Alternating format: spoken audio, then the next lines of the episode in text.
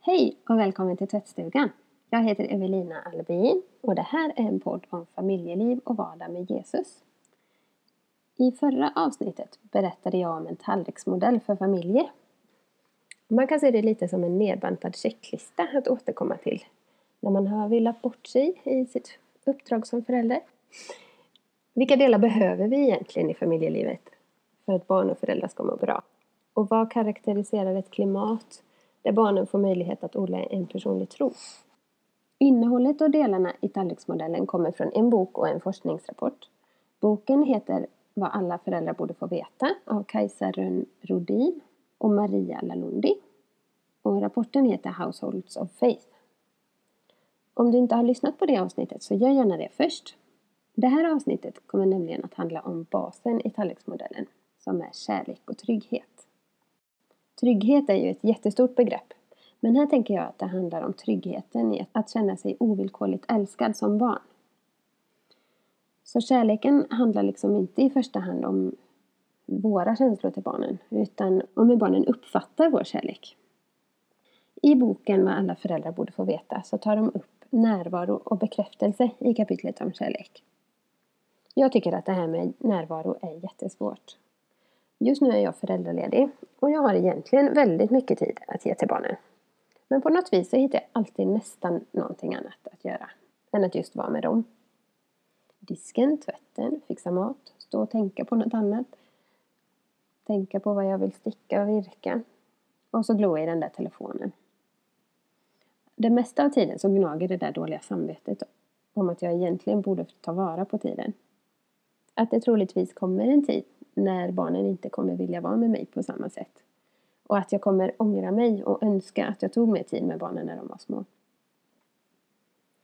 Och ibland kan jag nästan känna att det är lättare att jobba och vara närvarande än att vara föräldraledig och vara närvarande. Att då blir tiden mer begränsad och jag måste och vill på ett annat sätt ta vara på tiden när jag har den med barnen. Och min ambivalens i det här ligger nog mycket i att leka innan vi fick barn så såg jag mig själv som en ganska ja, men lekfull och, och rolig barnperson. Eh, jag har varit med på mycket barnläger och barngrupper i kyrkan och har varit ganska latchig då. Men nu så när vi har barn, så har jag, alltså när vi har egna barn, så har jag kommit fram till att jag inte tycker om att leka så mycket. Men jag tycker det är viktigt att leka med sina barn på ett teoretiskt plan. Men jag har nog fått inse att jag inte är särskilt bra på att leka. Spiken i kistan för min självbild som lekmamma var nog när jag gjorde ett eh, ja, men tappert men halvdant försök att leka med vår fyraåring. Jag höll i en, en av hans hästar och skulle galoppera med den. Och så sa han Lek mamma! Det var liksom inte tillräckligt bra det jag höll på med. En kompis som jag lärt känna på lekplatsen eh, tipsade om att man ska röra på sig hela tiden när man leker med sitt barn. Liksom gräva konstant med spaden. Typ. Och sen så spelar det inte så stor roll hur man gör eller vad man gör, utan bara man rör sig. Eh, så hennes barn leker liksom själv då när hon rör sig, eller så länge hon rör sig. En annan mamma som jag hörde om säger helt sonika till sina barn att eh, mammor leker inte.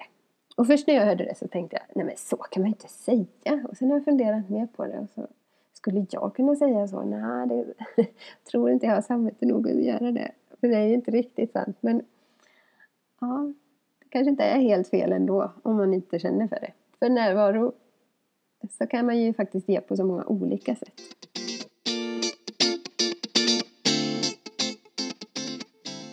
Ja, nog om mig och mitt. Vad står det i boken då? Det är lite lurigt att sammanfatta det på ett bra sätt med egna ord tycker jag. Så jag tänker att jag läser några highlights. Och det här är på sidorna 22 till 31 om du vill hitta själv i boken sen. Kanske är din viktigaste kärlekshandling som förälder att stanna upp och visa att du ser ditt barn. Att släppa disktrasan eller lägga ner telefonen och lyssna när barnet vill berätta något. Precis där och då inte om en stund. Perioder av trots och konflikter kan vara ett tecken på att barnet behöver mer värme och uppmärksamhet. Samtidigt är det ju just då som det kan vara som svårast för oss som föräldrar att ge det. Tricket är inte att ösa på med uppmärksamhet i själva konfliktsituationerna utan att komma ihåg att fylla på med extra uppmärksamhet under de lugna stunderna däremellan. Då vi kanske egentligen vill dra oss undan och pusta ut.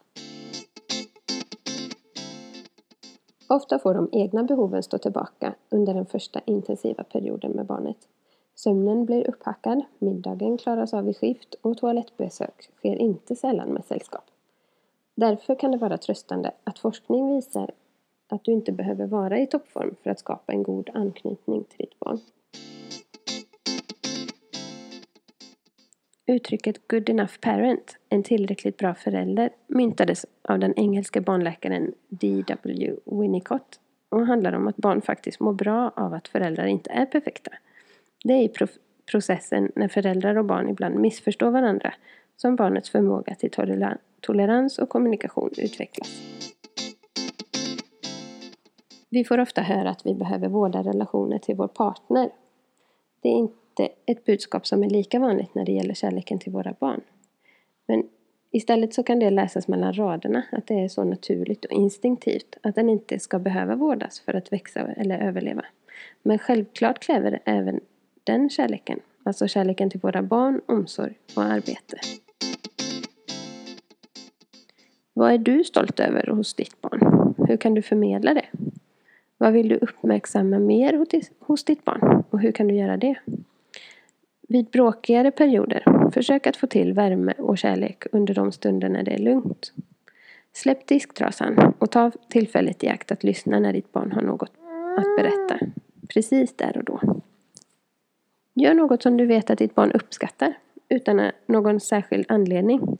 Det ska helst vara något litet som du kan få till i vardagen. Ofta ställs kvantitet mot kvalitet. Men när det gäller den tid när vi är tillsammans med våra barn så har det visat sig att kvantitet också är kvalitet.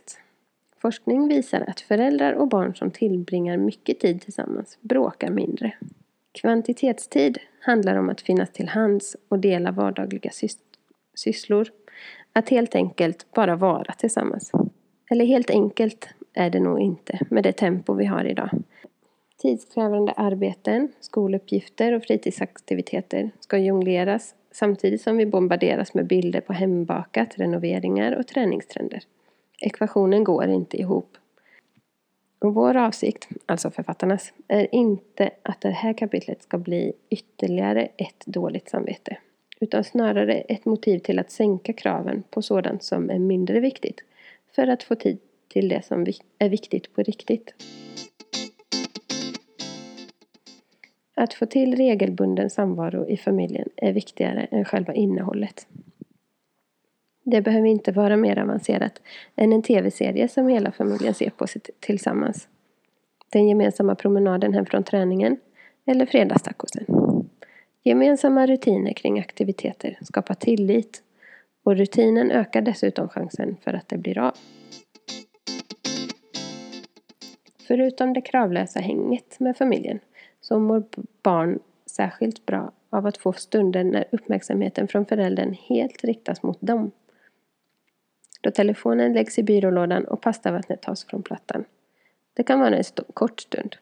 Tio minuter några gånger i veckan är bättre än längre stunder mer sällan. Huvudsaken är att barnet får styra medan föräldern ger sin fulla uppmärksamhet. Barnstyrd tid i korthet. Planera in kortare stunder, 10-15 minuter regelbundet. Barnet ska få styra och välja. Var följsam. Undvik att komma med några egna förslag eller frågor. Visa att även du uppskattar stunden. Försök att inte värdera det barnet gör, men visa intresse genom att kommentera. Till exempel, du väljer den blå figuren. Eller summera det barnet säger. Lägg telefonen i by byrålådan och motstå impulser att städa eller vara effektiv. Exempel på aktiviteter som passar för barnstyrd tid är att rita, bada, titta på roliga filmklipp, pyssla, modellera pärlplattor, göra armband, bygga med lego, ha en pratstund på väg till något, plantera en blomma, måla naglar, titta på när ditt barn spelar tv-spel, spela tv-spel ihop, laga mat, baka en kaka, spela boll, fika, picknick, ta en promenad, leka med figurer, dockor, bilar, mjukdjur, hemmaspa, fotbad, ansiktsmask, massage. Ja, ja, tid tillsammans är bra. Men hur stoppar jag syskonbråken, utbrotten vid lämning eller när skärmen ska stängas av? Det kan man fråga sig. Och under perioder med mycket konflikter är det ofta strategier för gränssättning som efterfrågas. Då kan det vara frustrerande att börja med regelbundna stunder av barnstyrd tid. Men i de flesta fallen är det där det händer och faktiskt vänder. Studier har visat att några stunder barnstyrd tid i veckan är något av en mirakelmedicin. Samarbetet mellan föräldrar och barn förbättras. Barnets språkliga och kognitiva utveckling, som minne, förmåga till problemlösning och sociala färdigheter, stärks och utagerande beteenden minskar. Dessutom verkar denna lilla stund ha positiva effekter på oss föräldrar också. När barnstyrd tid undersöktes som en behandlingsmetod för familjer med mycket konflikter så såg forskarna att det ledde till minskad stress hos föräldrarna och mer positiva föräldrastrategier.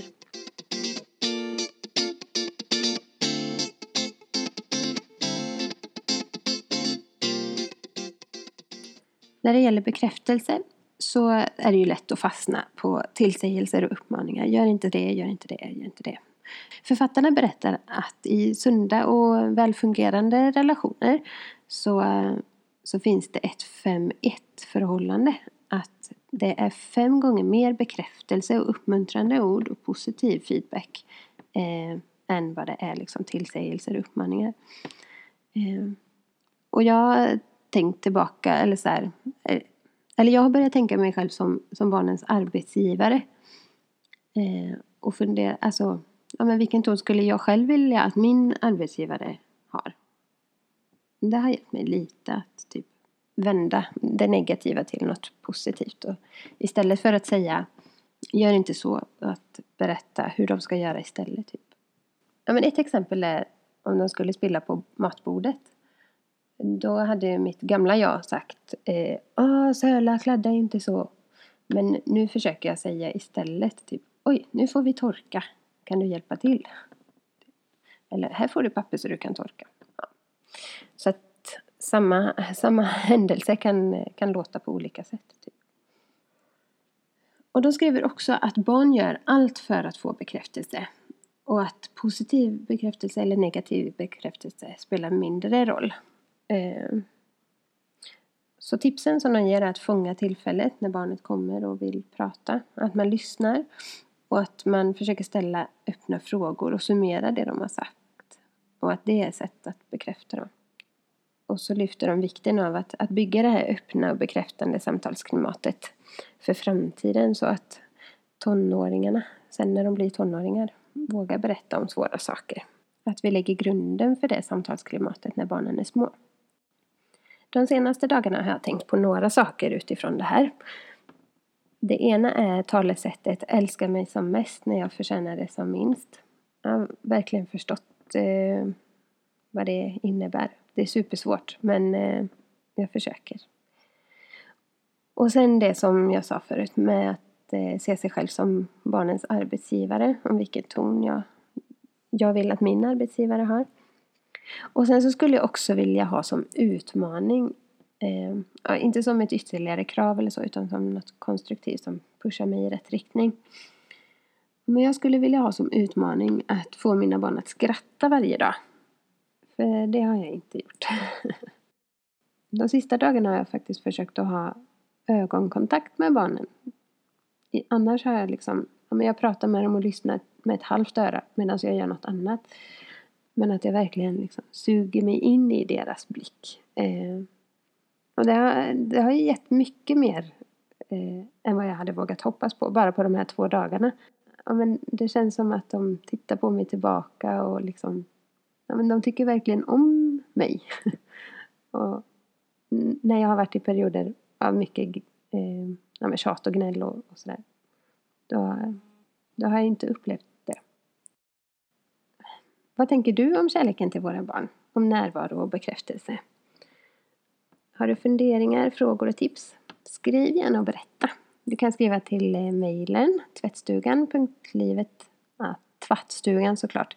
tvattstugan.livet.gmail.com eller på Instagram tvattstugan.livet. Det betyder så mycket att få ett ansikte på dig som lyssnar eller en glimt av det som Gud får göra genom den här podden. Och klicka gärna på prenumerera så får du en påminnelse när det kommer ett nytt avsnitt här.